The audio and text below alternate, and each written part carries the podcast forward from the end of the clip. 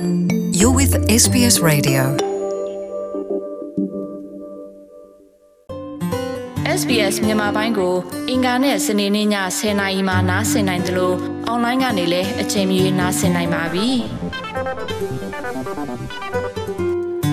တော်ရရှိမြခင်ဗျာကင်ဘရာမျိုးက Press Club မှာ Australia သတင်းဌာနရဲ့အကြီးအကဲ၃ယောက်ကစီလုံးညီညွတ်စွာပူးပေါင်းပြီးသတင်းထောက်တွေနဲ့ လွဲမှားလုပ်နေတာတွေကိုတိတ်တခိုးသတင်းပေးသူများကို အကာအကွယ်ပေးမဲ့ဥပဒေသစ်တွေလှုပ်ဆောင်ပေးဖို့တွန်းအားပေးခဲ့ကြပါတယ်။ဒါကရခင်လာက Federal Play အဖွဲ့က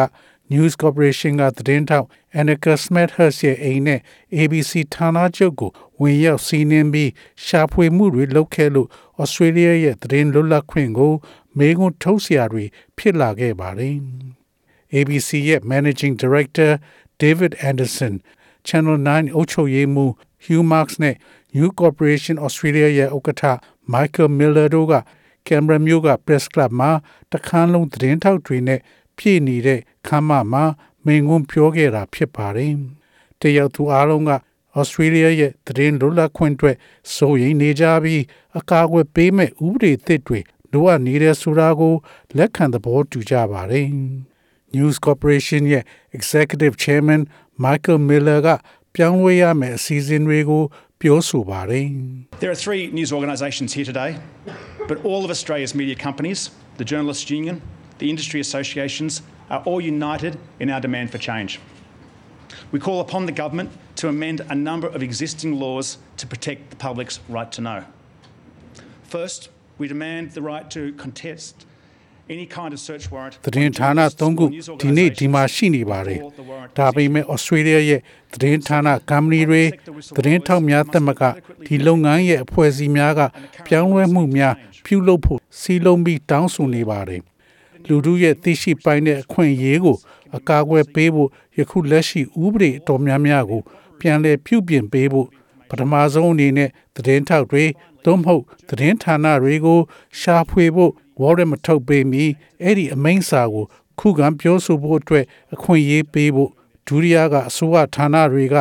တရားမဝင် လွဲမှားမှုများလှုပ်ဆောင်နေတာတွေကိုတိတ်တခိုးသတင်းပေးသူများကို လုံလောက်စွာ အကာအကွယ်ပေးမဲ့ဥပဒေတွေပြောင်းပေးဖို့တာရီယာအနေနဲ့ ဘယ်စာရွက်စာတမ်းတွေကလှိုးဝက်စာတမ်းလို့သတ်မှတ်ဖို့ကိုကြည့်ရှုဆုံးဖြတ်ပေးမယ်တရားဝင်အဖွဲ့အသစ်လိုအပ်နေပြီးနံပါတ်၄က freedom of information ဥပဒေတွေကိုသေချာပြန်တဲ့သုံးသပ်ဖို့လိုအပ်ပြီးနောက်ဆုံးကတော့လွန်ခဲ့တဲ့9နှစ်လောက်ကပြဋ္ဌာန်းခဲ့တဲ့အမျိုးသားလုံခြုံရေးဥပဒေတွေအရသတင်းထောက်တွေကိုသူတို့အလုပ်ကိုလုပ်နေတာကို ထောင်တွင်းထင်နိုင်တာတွေကကင်းလွတ်ခွင့်ပေးဖို့ကိုအစိုးရပေါ်တောင်းဆိုပါတယ်။ အီဂျစ်မှာရပ်ပေါင်း400အချင်းချခံခဲ့ရတဲ့ရခင် Al Jazeera သတင်းထောက် Peter Grester ကမီဒီယာကိုဆန်ဆာလုပ်တာရဲ့မထင်မှတ်ပဲကြားရောက်နိုင်တဲ့ဘေးအန္တရာယ်တွေကိုကောင်းကောင်းသိသူတယောက်ဖြစ်ပါတယ် Look, press freedom is one of the most fundamental parts of our democracy. Um, it underpins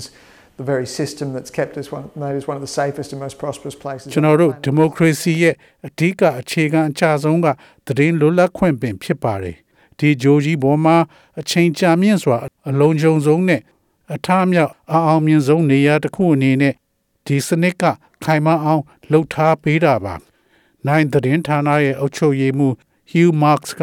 အကာအကွယ်မရှိခဲ့ရင်သတင်းတွေထုတ်ဝေပေးနိုင်မဲ့အခွင့်အလမ်းတွေပျောက်ကွယ်သွားမယ်လို့ဆိုပါတယ် The challenge you have is you have good journalists who know they're sitting on stories that, that are worthy of publication, that are in the public interest.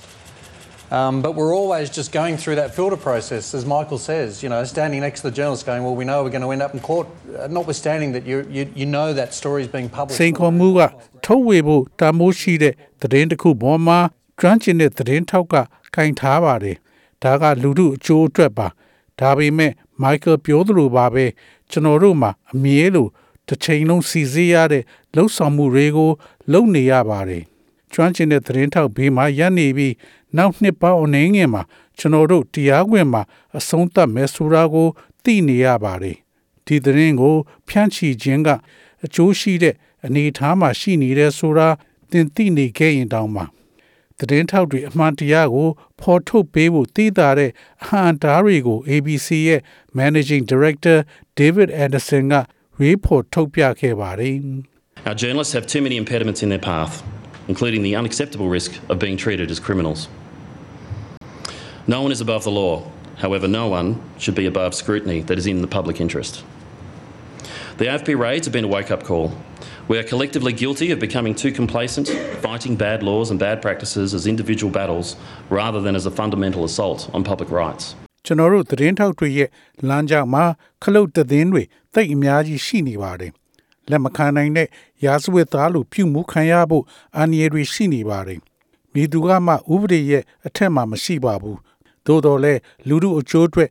မိသူကမှစီစစ်ချင်းခံရဖို့အတွက်အထက်မှာမရှိသင့်ပါဘူး။ AFP ဝင်ရောက်စီးနှင်းမှုကကျွန်တော်တို့အားလုံးကိုလှုပ်နှိုးလိုက်တာပါ။ကျွန်တော်တို့အားလုံးကအလွန်ကျွန်းမိမိဘာသာအားရကျေနပ်မှုတွေဖြစ်နေခဲ့ပြီးမကောင်းတဲ့ဥပဒေတွေနဲ့မကောင်းတဲ့အလေးကျင့်တွေက လူထုရဲ့အခွင့်အရေးပေါ်အခြေခံကြတဲ့ကျူးလွန်မှုလို့ခံယူရမယ်စားတူဦးတယောက်တည်းရဲ့စစ်ပွဲတွေလို့ခံယူခဲ့တာက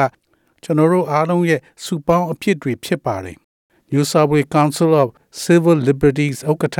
Pauline Wright ပြောတာကသတင်းထောက်တွေပုံနှိပ်ထုတ်ဝေသူတွေနဲ့တိတ်တကူသတင်းပေးသူများကိုအကာအကွယ်ပေးနိုင်မဲ့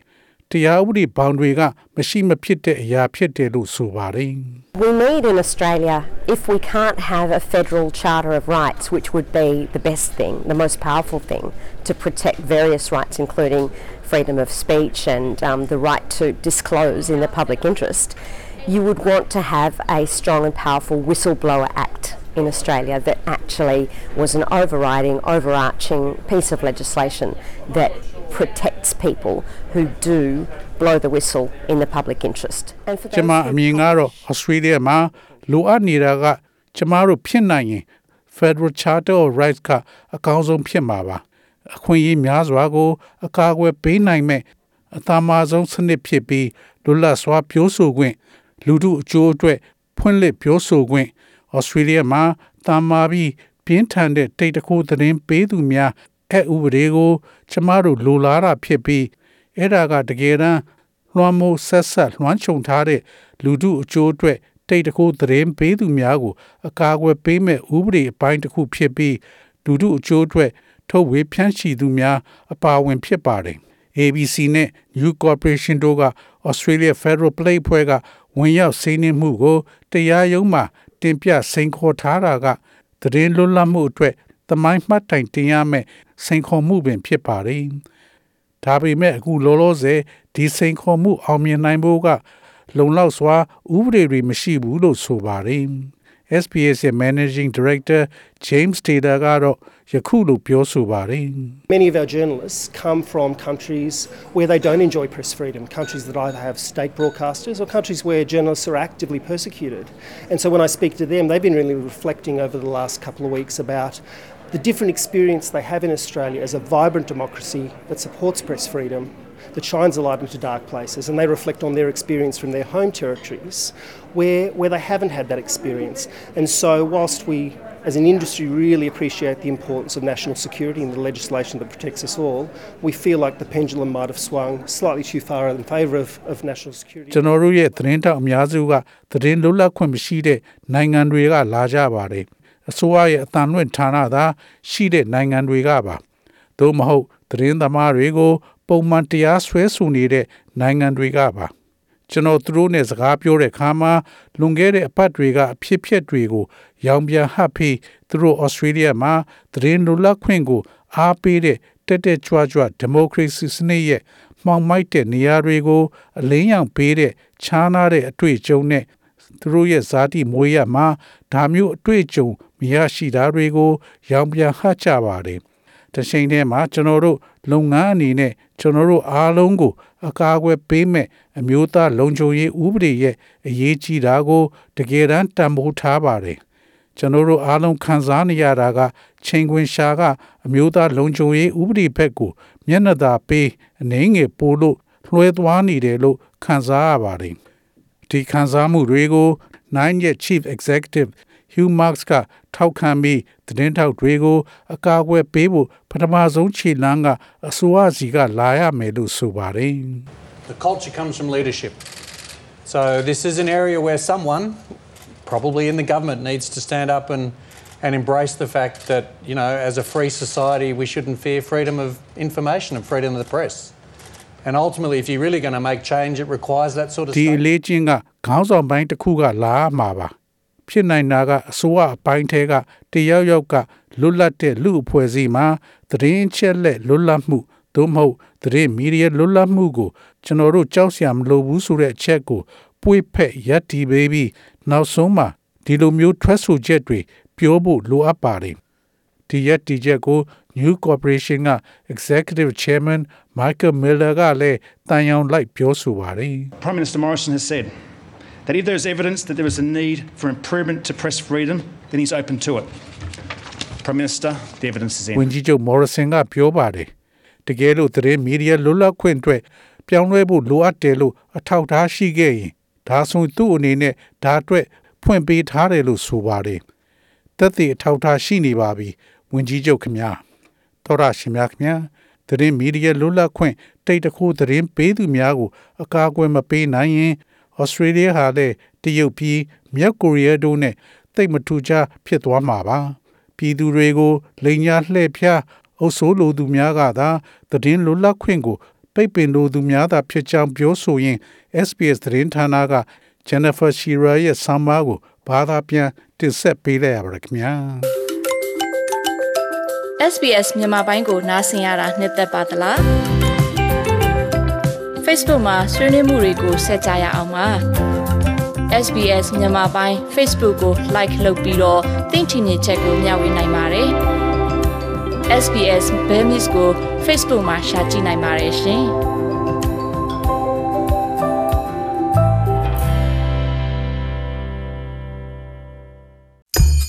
Tell us what you think. Like us on Facebook or follow us on Twitter.